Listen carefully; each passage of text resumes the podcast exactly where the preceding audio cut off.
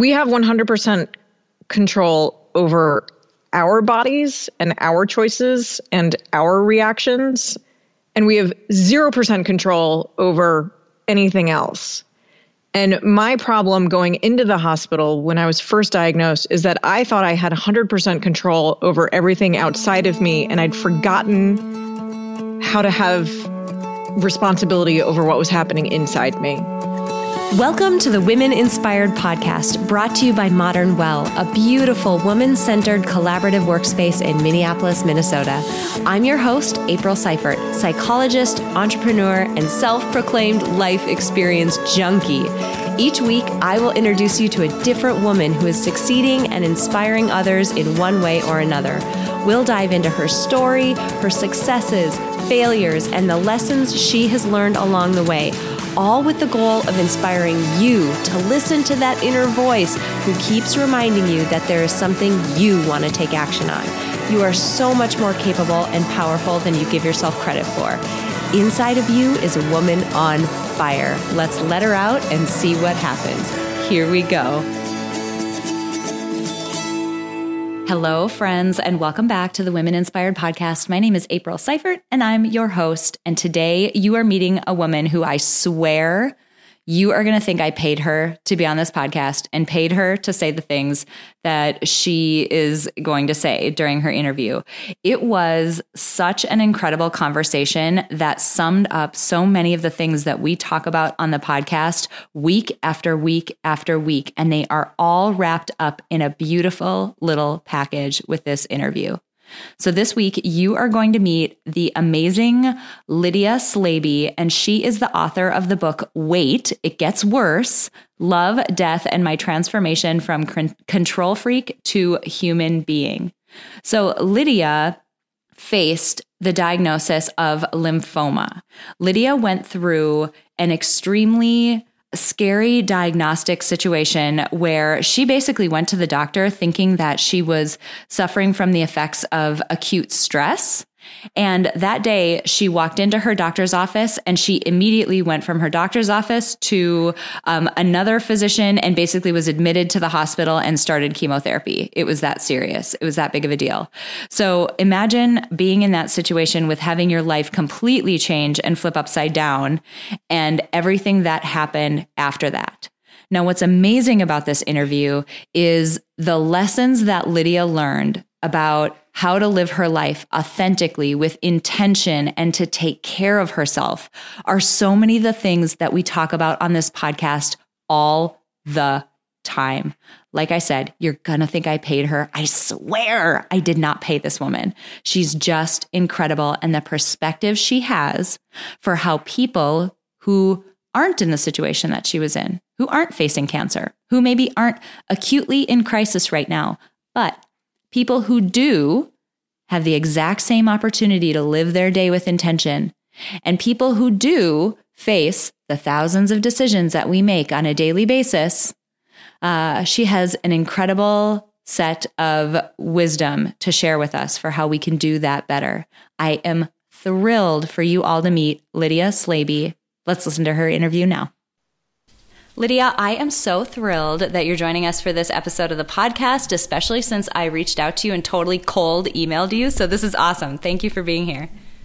Oh, I'm delighted to be here. Thank you so much for having me. So, I always get really excited when there's somebody that I find online, one way or the other, and I get so excited about their work and so excited about who they are and have to have them on, and they say yes. And it's awesome that you're here. So, tell us a little bit about you, help us get to know you, and we'll dive into this awesome work that you're doing today. Well, um, I'm me. I just turned 40. I worked for a long time in um, municipal government and then state government and then I went and I got my JD MBA and then I was working as an attorney and then while I was working as an attorney was the beginning of the turning point um, that triggered my book which I'm sure we'll talk about but while I was working as an attorney I got cancer and that was six and a half years ago now and so my life since then has been really up and down in terms of managing my health and um,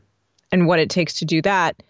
and then I quit being an attorney and I started writing my book and now here's my life and I'm I'm married. I have two cats. I have no children. I lived for a long time in Chicago, but I now live in the Hudson River Valley of New York. And that's who I am. Amazing. So, we, you mentioned your book. We actually got connected because I found your book on Amazon as I'm, you know, running around uh, online looking for books to read and that type of thing. I came across your book. Your book is called Wait, It Gets Worse Love, Death, and My Transformation from Control Freak to Human Being. And those of you who listen to me a lot, you know that a title like that would get me really excited. So um, maybe, maybe the place to start is to just dive in and have you tell us a little bit about your book because it has so much to do with the pieces of you and your backstory that you just mentioned. So tell us a little bit about the book itself. So the book itself, I um while I was sick, I found myself writing a lot. Um, I've always had careers where I wrote. I mean, being a lawyer, all you do is write. But I was finding that I needed to write creatively, and it was personal. It was blog kind of writing, but I had to write. And so when I was trying to get better after being sick, I found that I just had I had to write about it. It was my own way of healing. Everybody has their own way of healing, and mine was to write about it. And um, so that's where the book came from. Um, what the book is about is it's it's funny. I I I describe it this way, and people laugh at me, but the plot of the book is me getting sick and then me getting better, and then how to actually recover from a dramatic, life threatening illness that for me came across almost as a trauma. Like some some people get cancer and it grows for a while and then you're sick for a while and then you're better and and there's no dramatic hospital moment. I had way too many dramatic hospital moments for anybody's comfort.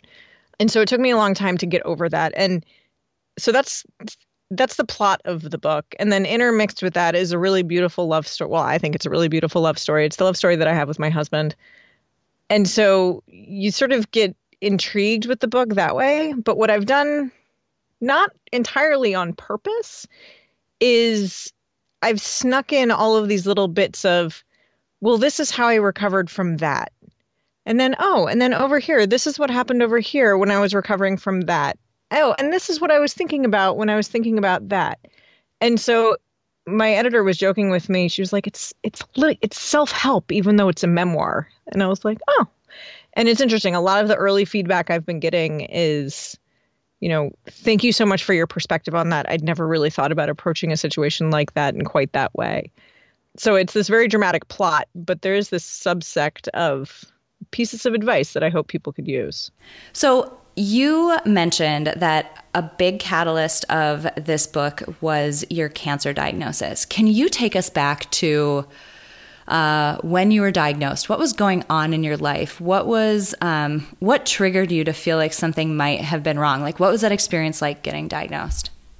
Uh, deeply traumatic is the short answer, but the longer answer. Um, I was working as an attorney. I was in Chicago. I was working at a um, one of the big law firms that scatter this world, and uh, I was a first year attorney, so I was very busy, fourteen hour days, sort of six days a week ish. And about three months before my diagnosis, I was diagnosed in June. So starting around March, I had a hard time exercising. And I've always been an athlete. I was a division one rower. I've, you know, I've always been an athlete. And um and I had a hard time running. And at first I couldn't run for as long. I couldn't do four miles. And then I couldn't really do three miles. And eventually, the week before I was diagnosed, I couldn't jog across the street without needing to catch my breath. And about a month before my diagnosis, I went and I saw my doctor, and she basically was like, Well, I think you've pulled a muscle. You know, take some Advil and you'll feel better. I was like, okay. Um, I'm not a huge fan of being overly tested. Um, and so my husband actually furious that I hadn't gotten an x-ray or anything. He was like, there's something going on in your chest. And I was like, no, it's no problem. It's just a pulled muscle. Stop feeding, you know, the medical wasteland of too much money. And um, two days before I was diagnosed, I was working out um, and the gentleman I was working out with looked at me and he was like, there's something wrong with you. Like, please sit down. He was mm. like, you are hmm. pale green you're sweating, you can't do anything that you usually do. Like, I don't know if you have walking pneumonia. I don't know what is going on with you, but please go to your doctor. And it was funny because I'd been hearing it from friends. Oh, you look, don't look so great, and like, oh, you've lost a lot of weight, and and I I did actually have all of the very typical symptoms of cancer. I'd lost a ton of weight. I was having night sweats, um, and I was just ignoring it. I was just fully convinced it was stress. There's also an aspect here that um, my sister is also a cancer survivor, and she'd been going through cancer for about six years at that point. And so weird symptoms in my family weren't something that I really wanted to pay close attention to. And so the day of my diagnosis, I, I went and I saw my general practitioner and she said, "Oh, you're like she gave me an inhaler for my breathing issue, but then she she was listening, listening to my heart and she said, "There's something going on with your heart. I need you to see a cardiologist." And I was like putting my shirt back on and I was like, "Okay, great. Like let me know. I'll, you know, in a week." And she's like, "No, no, no, no, no, no. You can't go back to the office. You're going to sit here in my in my waiting room until I get you in to see the cardiologist." Wow. And that was a moment of okay, life just got a little bit more interesting. Um and then I saw the cardiologist, and he basically, what we eventually learned was that I had a tumor the size of a grapefruit that was sitting basically on top of my heart. Mm. Um, and so my doctor heard um, my right ventricle collapsing every time my heart beat. And what the cardiologist saw was a huge amount of liquid surrounding my heart. My heart had basically built up its own protection, and um, and so this liquid was causing all of this pressure. He didn't know why. He couldn't see the tumor. He just knew that there was all of this liquid. And so he sent me to the emergency room. It was too late in the day for him to admit me to the hospital. And so he sent me to the emergency room. And in the emergency room, they were like, oh, fun. You're not a gunshot victim. You're not a child with food poisoning or an ear infection. Like, you know, this is going to give us a chance to wield our diagnosis muscles. And so they gave me an x ray and then they gave me a CAT scan. And I first heard the word lymphoma while I was sitting in the in the emergency room.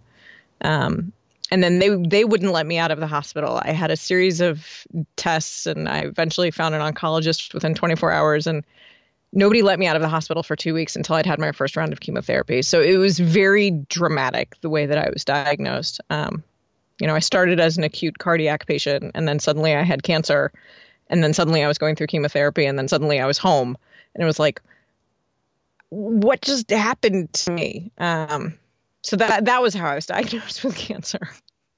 I can't imagine how all of that must have felt because something. So, uh, folks who have listened to this for a while know this. People who are tuning in for the first time uh, likely don't, but um, I have multiple sclerosis. And I remember very vividly the day that I was diagnosed. And it was similar, like literally five minutes before they told me what I had, I would have told you I'm a quote unquote healthy person. Like I'm, I'm fine. Like I'm a healthy person.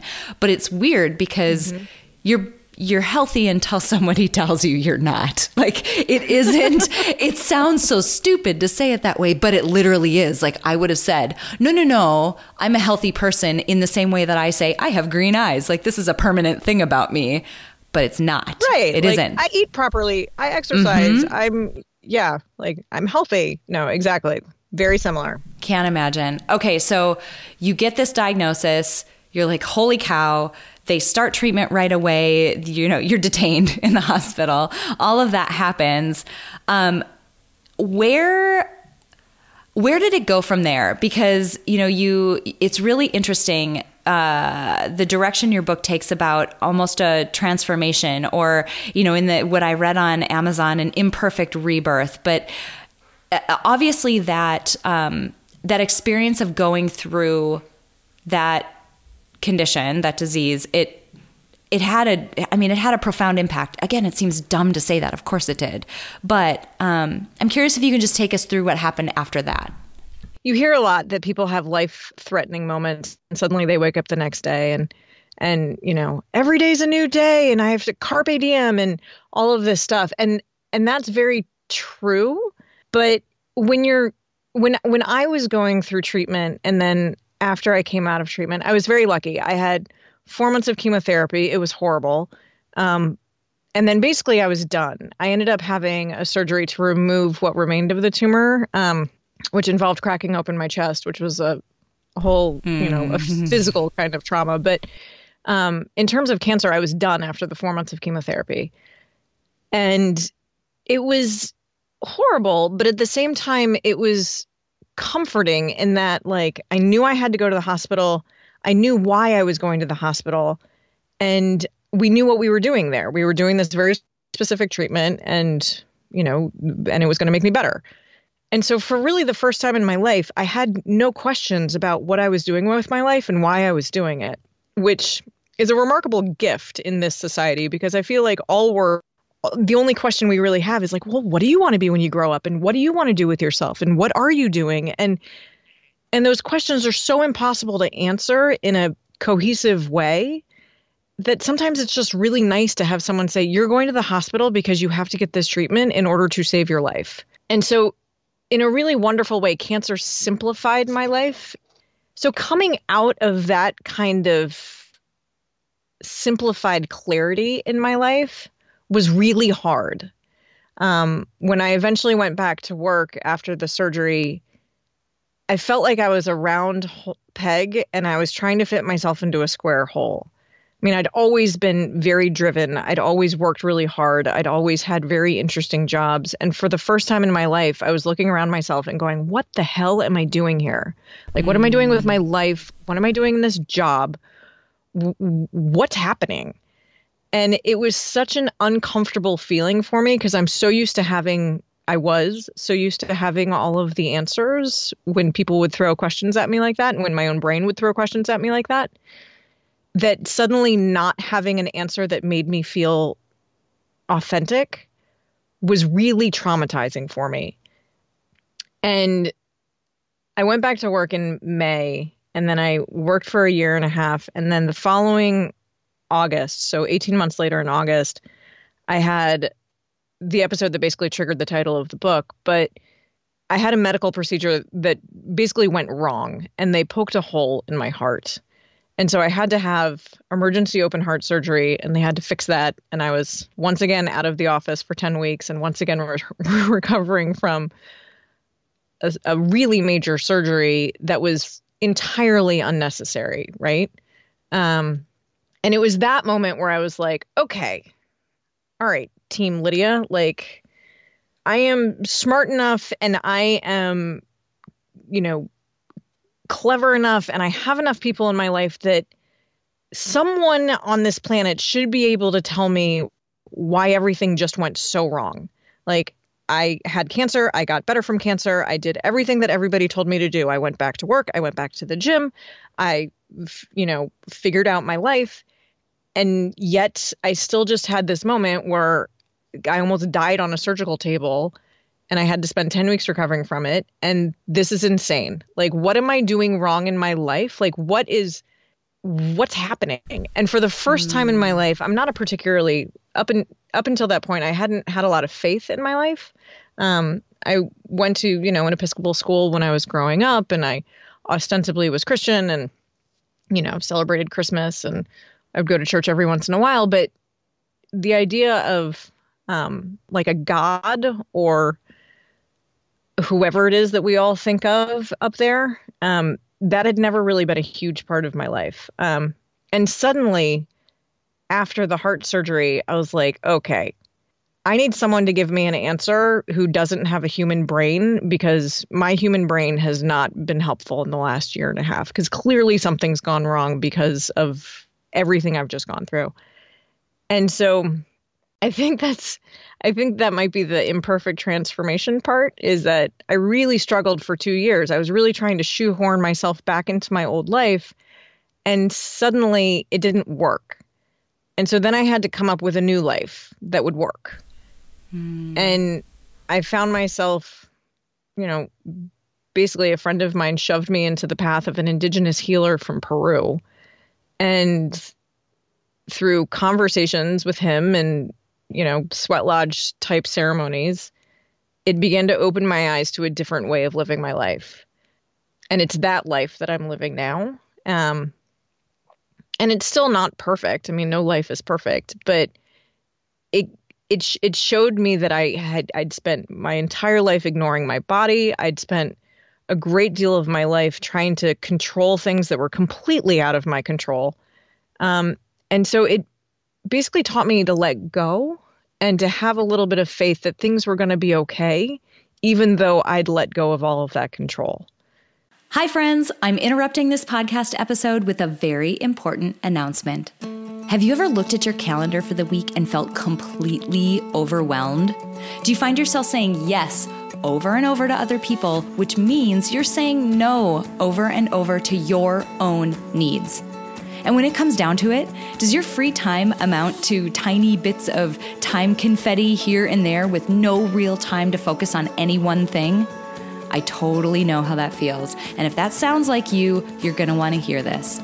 I'm partnering with my incredible friend Leslie, the mastermind behind the blog Mom's Hierarchy of Needs, to offer an absolutely free webinar called Setting Value Based Boundaries. During this webinar, we'll uncover your five most important personal values. Then, we'll use them during a design thinking exercise that takes aim at your weekly calendar you'll walk away with an intentional set of boundaries that are aligned to your personal values to help you finally get your calendar under control.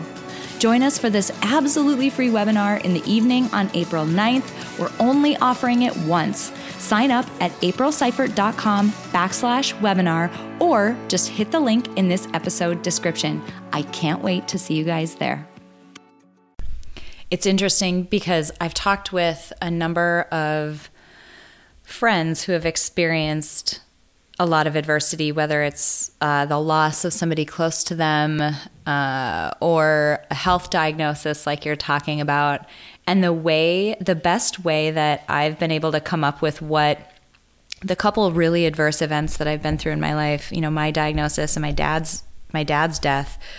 Uh, the best way I've been able to come up with it is when you go through something like that, it's exactly as you describe. Like everything gets in the same way that it gets more complicated, there's a lot of information involved. Like people want to tell you a lot of things about your immune system and a lot of information.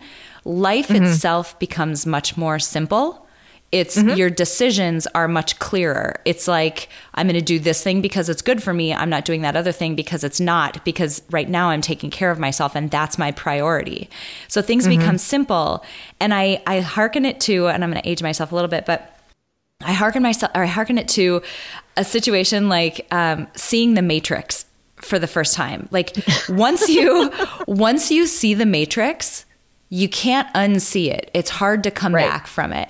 And once yep. you see the simplicity of it, because that mm-hmm. simplicity is there for everyone. Like it, mm-hmm. it, it I talk about this a lot on the podcast, but it's it's a beautiful time to talk about it with you because you just explained it so concisely every single person has their one life. Every single person is going to experience threats against that life, whether it's through um, medical diagnoses or otherwise. And every single one of us is going to end up in the same place. Like we're all, that's, it's going to come to an end at some point.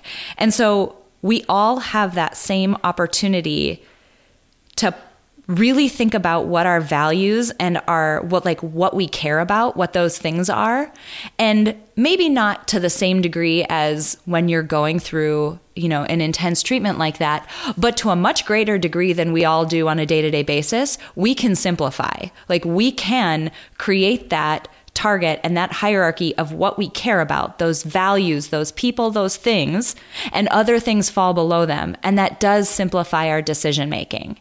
We all could do that. You don't need cancer to do that. No, but somehow it happens easily after, more easily after you get a crazy diagnosis. yeah, it, it does. Um, it was interesting because actually the first thing that I noticed with my life, um, and it happened while I was in the hospital, is that I got increasingly impatient with people who didn't support me. Mm. And it was like that was like my first stage of rec- of realizing that I have control over my choices, which means that I have control over the people that I choose to let into my life and the people that I choose not to. And that it was like that was like the first level. Um and so just, you know, the people who weren't team players, like team players in the team Lydia, and I'm not saying like, you know, they had to march to my drum, but there's a certain kind of personality that shows up in these situations, and there's a certain kind of personality that doesn't show up in these situations. And it got super clear to me which was the personalities that I wanted in my life. And it was so easy for me to just shed off the ones that weren't serving me. And because it was so easy to do that in like a world of, oh my God, I have to be nice to everyone and I have to always maintain all of these connections because that was so easy for me to do, suddenly these other things that I thought had been so difficult or not allowed, you know, like questioning my own, you know, choices and self worth and all of the rest of it, suddenly that started getting a little easier. And I think that I think you're right. I mean, I've my sister's gone through cancer. Um, you know, there's been deaths in my life, and I I I went through it because of cancer. But you know, the minute that that any human kind of hits a moment of okay, I need to really figure out what it is in my life that's serving me and what it is in my life that isn't. It's it's a wonderful moment of recognizing the value of your own choices. I agree with you. And it, I mean, it's as though I paid you. It is as though I swear I didn't, and I swear people listening to this, we didn't conspire to this degree. We talked a little about the direction we were going to go, but not to this degree. Um, Lydia, something else that I talk about often on the podcast, and you are such a beautiful example of it because this is the situation right here that you're talking about. You have cancer, you're in the hospital, you're getting treatment for it, right? Something that I talk about often on the podcast is this notion that I call radical responsibility. Like you're you should take responsibility for 100% of the situations you're in. Like 100% of the time, 100% responsibility. And what you were doing and that it's different than being at fault or to blame. Like this isn't backward looking. This isn't you, Lydia, you deserved cancer because you did this thing. And so you are to blame and you brought that on. That has nothing to do with it. What it has to do with is here I am. I find myself in these circumstances. I'm in the hospital. I have cancer. I'm being treated for it what do I do now? Like, what are my decisions now? What control do I have? Which people are allowed to see me and which ones aren't? How do I spend my time? What, like, what am I going to do now in order to make sure that, exactly as you said, all of these people and things serve me? And that's what I'm talking about with this notion of radical responsibility. Like, I don't care what situation you're in.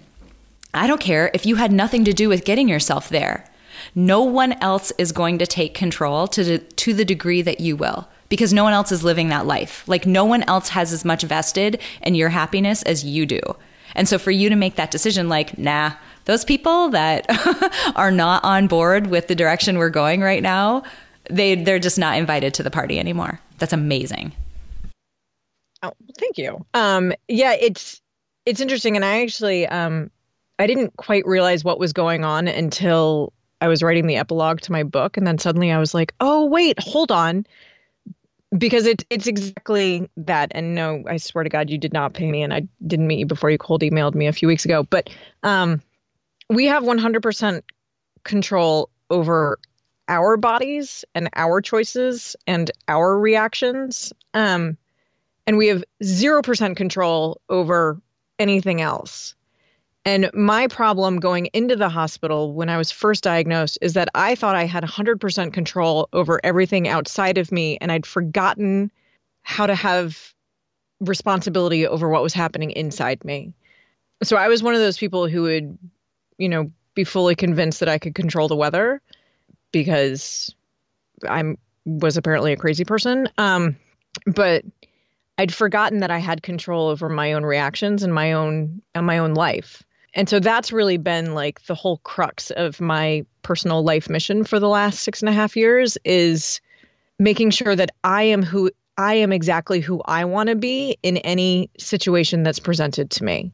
And it may be a horrible situation, it may be a wonderful situation, it may be, you know, a man running naked down the street. I mean, like, who knows? But like, I'm going to be kind and I'm going to be forgiving and I am going to be thoughtful and I am going to protect you know my myself and the people that I love and it's it's a different kind of control and I mean the subtitle of my book is something something from control freak to human being and people laugh at me because they're like Lydia you're still a little bit of a control freak and I'm like I'm a hyper control freak about how I react to situations but I no longer try and react, try and control how you react to situations. And that's a big difference in my life. Mm, that's huge. And so it was funny. It was like, you know, the guy who, I mean, when you're going through chemotherapy, there's certain foods that you just can't eat. Like this is sort of chemo 101 a little bit. And there was a friend of ours who just would keep bringing sushi, and I couldn't have raw fish. And I really wanted raw fish because I love sushi, but he kept bringing sushi to the hospital. And finally, I kind of looked at him and I was like, dude, if you can't take like a simple instruction on this one, like, what are you doing here? And, you know, he got really offended. And then we had to clean that up. And then finally, That's I was amazing. like, I have no time for this in my life. Like, Right. I have no time to coach someone about whether or not to bring sushi to a chemo patient. Like, and, you know, we're perfectly cordial to each other whenever we see each other now, but I would not consider him as close of a friend as he once was. And I'm okay with that. I am completely fine with that. And it took me a long time to get okay with something like that. Absolutely. Well, we're so conditioned, right? Like you you mentioned it before.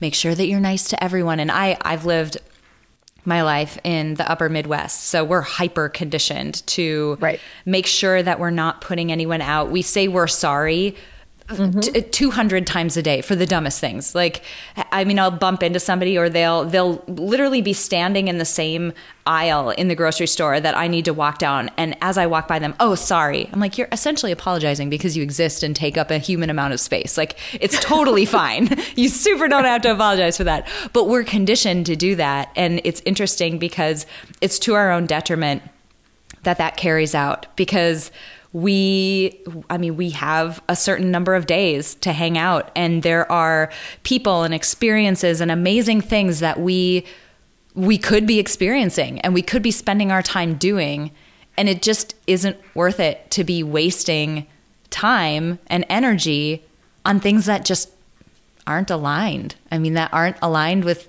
who we want to be and who we actually are and how we want our day to go and feel. And it's Yep. not selfish because the side of the coin, the opposite side of that radical responsibility coin, is exactly what you mentioned. It's that external piece. Not only are you 100% responsible for yourself, they are 100% responsible for their themselves and their happiness. You are not responsible for their happiness, meaning Right. like th- you saying yes or no or having an opinion or wanting to hang out or not that's not determining or it shouldn't be. You shouldn't be taking that on. That's not your job. Your job is to live your own life.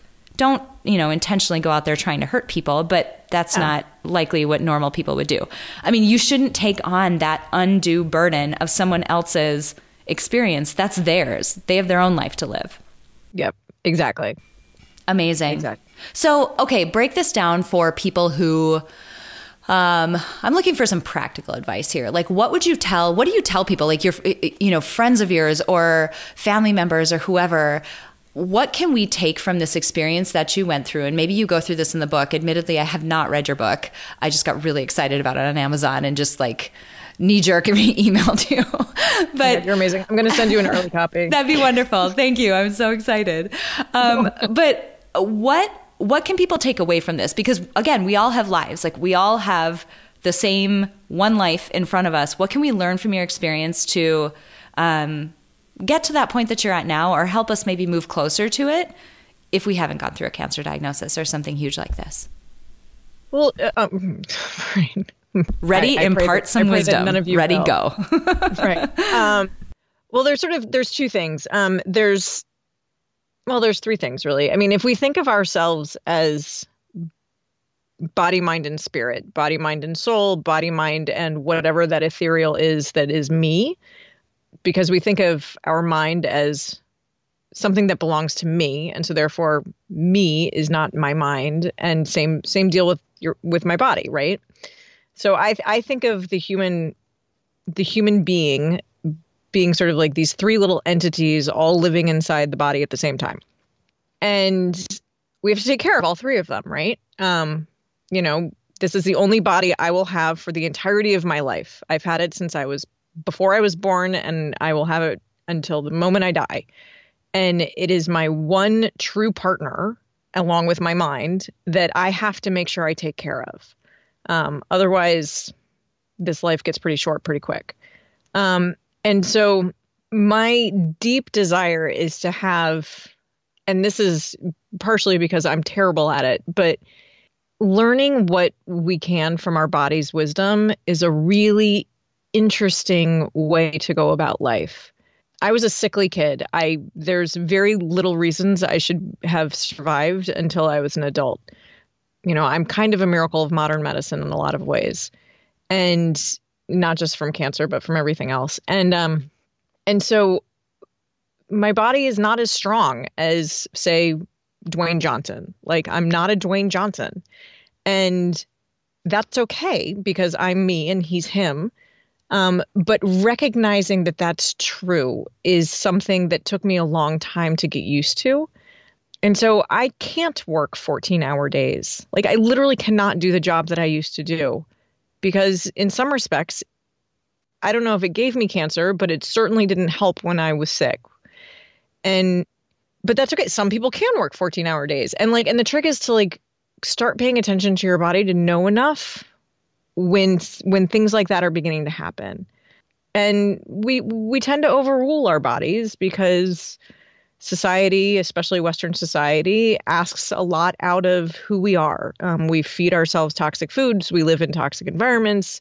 We deal with a great deal of stress. I mean, none of this is good for the human body, right? So, how to actually take care of our body is super important um, and learning to pay attention to your body and what it can do to serve you and what it needs to be healthy.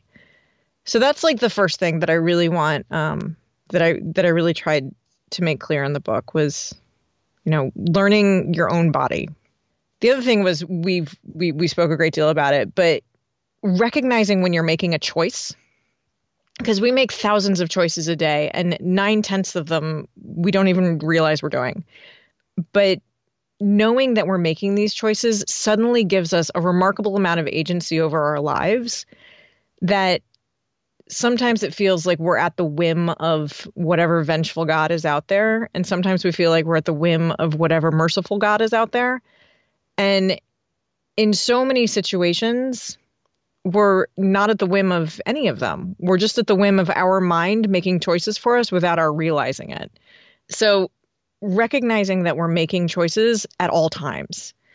It was interesting. I mentioned that I basically went straight from the emergency room into the cancer ward and into chemotherapy. And my family is one that tries to find non Western medications when there is an opportunity for mm-hmm. a non Western medication. Yep. And um, and I didn't have the time to do that. I didn't have time to think about any uh, options in terms of my treatment. And I remember getting on the phone with my sister, and this was the first time that I actually really thought about this. And she was like, Listen, like, I know it feels like you don't have any choices, but you do. You could, like, get up and walk out of the hospital, which you're not going to do. So she was like, Recognize that choice. And she was like, And recognize this other choice of by choosing to stay in the hospital, you are choosing to receive this treatment. So she was like, so own it, own that choice. Ah. Because if you're not going to own that choice, then like whatever side effect you have from chemo for the rest of your life, and she'd gone through three chemo treatments at this point, so she had some experience on this one. She was like, whatever chemo treatment, whatever side effect you have, you're going to blame the doctors for, or you're going to blame the cancer for, or you're going to blame, you know, whatever you decide gave you the cancer. Like the list can go on, right? But she was like, but you are by choosing choosing to save your life, choosing this route. She was like, don't make yourself regret that choice. Just own it. Just say, you know what? I'm losing my hair because of a choice that I made. I wish that there had been a different choice, sure, but this is a choice that I made, and that's okay. And like being able to own my choices in that way, especially when you when I when I felt like I was in a no-win situation and I didn't have a choice and I was being railroaded and this that and the other. I mean, all of the reasons why we as humans lash out, right? We feel like we're we we we feel like we're just being railroaded by life. I had a choice. And when I owned that choice, it suddenly made my treatment a billion times easier. That's powerful. That's yeah. so powerful. Um, well, thank you. Um, it was, it was incredible. You know, because you end up blaming anyone, right? You blame anyone except for yourself, even though at the end of the day, I was the one that got me into this situation. I mean, I, I can't say that I'm the one that gave me cancer, but I am certainly the one that made the choice to do chemotherapy. So that's that's another thing that I try and get through in the book is, you know, it's not necessarily always like a chemotherapy dramatic choice, but you know, we're faced with these choices all the time and own them. Own the choice that you make. It's incredibly powerful and it's really satisfying. So, cuz suddenly it's like, oh, I do have control over my life. Like, I don't have to control your behavior because I just controlled how I reacted to your behavior. It's actually done wonders for my, for my marriage, too, because, you know, when two personalities are in a room, it's really important to be responsible for the one that you have control over. Um, Absolutely. this is amazing. I, I literally. I'm just sitting over here smiling because, again, people are going to think I paid you to say half of this stuff. And it's just wonderful. It's so wonderful to hear um, some of these important concepts be expressed by someone who's been in a different just who has a different perspective who's been in a different situation but the commonalities among the things that you've just said the things that i experienced in my health situation and so many of the women that i've interviewed on this podcast it's just incredible how consistent uh, those messages are. Um, I literally, like I said, I could talk to you for the rest of the day, but uh, we don't have that kind of time on a podcast. So, what I will say is um, tell my audience where they can find your book, where they can connect with you. This story is so powerful. I just want to make sure that everybody knows where they can go to dive even deeper into it and get a copy of your book. The book is called Wait It Gets Worse. Wait, It Gets Worse Love, Death, and My Transformation from Control Freak to Human Being. Um, it comes out on March 19th, and it is currently available for pre order on Amazon. Um, but I do know that a lot of independent bookstores are going to be carrying it. And so if you have a favorite independent bookstore, walk into it. And if they don't have it, ask them to order it. And uh, you can find me. I'm I'm mostly on Instagram, but I'm sometimes on Facebook and even more rarely on Twitter. But I'm Lydia Slaby, L Y D I A S L A B as in boy, Y. And um, on the internet, I'm also Lydia Slaby, lydiaslaby.com. So you can find me anywhere. And I have a little mailing list that I send out a little note to every now and again. I'm still also writing my blog, although it's not as not as frequently as it was when I was sick, but I do on occasion post a blog post. So you can find me there. Wonderful. Thank you so much. Thank you so much for responding to uh, my cold email out of the blue. And um, I'm just really thrilled with the chance to get to know you and to hear more about your background, to hear about your amazing book, and in particular, the incredible lessons that you shared with us. It was really powerful. Well, thank you. It's been a total delight getting to know you, April. I mean, come on now. Could she be any cooler? I mean, that was just incredible. I'm sure after listening to that, you can tell exactly what I meant when I said it is going to sound like I paid this woman to say these things on this podcast. And I swear to you, I did not. She admitted it. I did not pay her. It was just this incredible situation to have found this book on Amazon, or well, the pre book, uh, the advertisement for the book on Amazon, and to have reached out to her out of nowhere. And here we are with this incredible woman with so much wisdom to share with us on this episode. I'm just so grateful. Uh, things I want to call out I loved how she talked about the simplicity that her life took on when she was in treatment. I mean, the way that she described it, like she knew exactly what she was doing and why, like the why behind the decisions she was making. I'm taking chemotherapy because I have cancer and I'm hoping this will make me better so many of our decisions are i mean heck the jobs we do and some of the relationships we're in and the friendships we have and how we spend our time we don't make those decisions with intention and we have no idea the why behind why we're doing them. We just sort of passively do them. And it wasn't until she was faced with this hugely uh, scary and traumatic event that that why became crystal clear and life simplified. And we have that choice we have that choice to simplify our lives by getting really clear about what our values are and getting really clear about what's important to us and what's not, and what's not. And letting those things dictate how we spend our time and what we say yes to and ultimately what we say no to, and who we say yes to, and who we say no to. And that's huge. And you know, I'm going to go down the path secondarily to radical responsibility. Here you have it. If I hear one piece of feedback about my discussions of radical responsibility on this podcast, it's that, yeah, but what about I'm when I'm in times of crisis? Sometimes really bad things happen. Yes, they do. And you still have responsibility for your reaction and what you do going forward. And Lydia's situation is a beautiful example of that. I swear to God, I did not pay her to say that. It was just amazing to think about a woman sitting in the hospital having chemotherapy saying, I'm responsible for myself right now. I'm responsible for my reaction and I'm responsible for what I do from here. That's huge. And that is a, a sense of control that few of us ever get to experience because we're not willing to take on that responsibility. And she did. And that sense of control, it's incredible the way that she described it, right? Like she suddenly realized that what she had control over was what was inside of her. She couldn't control the things that was that were outside of her. And she'd spent her whole life trying to do the opposite. Holy cow, I about fell over when she said that. It's such an important piece of wisdom. And finally, she talked about us as human beings being composed of both, not both, all three body, mind, and spirit and the importance of getting to know each of those separate entities and taking care of them. You know, her point about her job and her 14 hour days probably didn't cause her cancer, but it certainly wasn't helping. How many times have we ignored signs and symptoms in our bodies and just forced it to do things that weren't okay?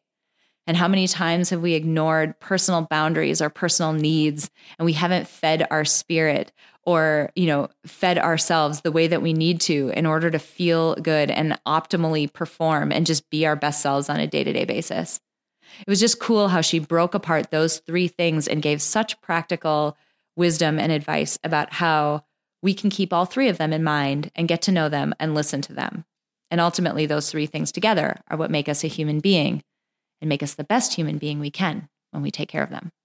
I hope you guys enjoyed this interview as much as I did. I was just beaming and smiling from ear to ear over here as Lydia was talking because she is one of those people who has seen the Matrix and can't unsee it. And so many times, my goal with these episodes is to give you a glimpse behind the curtain and let you see that matrix a little bit so that you take it forward into your daily lives and that your day to day experience and the decisions, the thousands of them that you make on a day to day basis, those happen with more intention. You start to think about them a little bit more. I hope that happened this week. All right.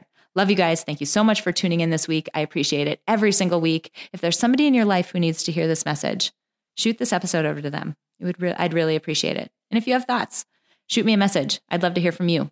And if you know somebody inspirational, send them to me. I'd love to interview them. All right, you guys. See you next week. Before we close out today, I want to say thank you to my producer, Cameron Hill, and to my incredible sponsor, Modern Well. If you want to learn more about how you can reach your goals in a one of a kind work life community, visit www.modernwell.co.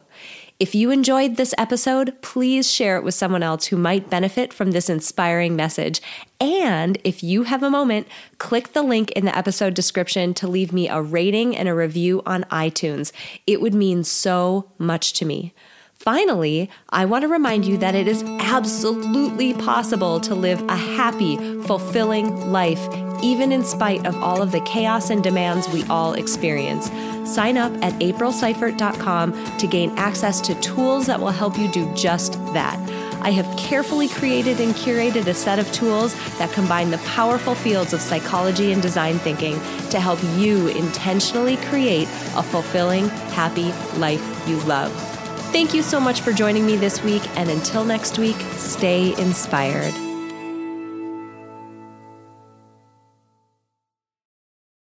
At Parker, our purpose is simple. We want to make the world a better place by working more efficiently, by using more sustainable practices, by developing better technologies. We keep moving forward. With each new idea, innovation, and partnership, we're one step closer to fulfilling our purpose every single day. To find out more, visit parker.com/purpose. Parker, engineering your success. As humans, we're naturally driven by the search for better. But when it comes to hiring, the best way to search for a candidate isn't to search at all. Don't search, match with Indeed. When I was looking to hire someone, it was so slow and overwhelming. I wish I had used Indeed. If you need to hire, you need Indeed. Indeed is your matching and hiring platform with over 350 million global monthly visitors, according to Indeed data, and a matching engine that helps you find quality candidates fast. Ditch the busy work. Use Indeed for scheduling, screening, and messaging so you can connect with candidates faster. And Indeed doesn't just help you hire faster. 93% of employers agree Indeed delivers the highest quality matches compared to other job sites, according to a recent Indeed survey. And listeners of this show will get a $75 sponsored job credit to get your jobs more visibility at Indeed.com slash podcast. That's Indeed.com slash podcast. Terms and conditions apply.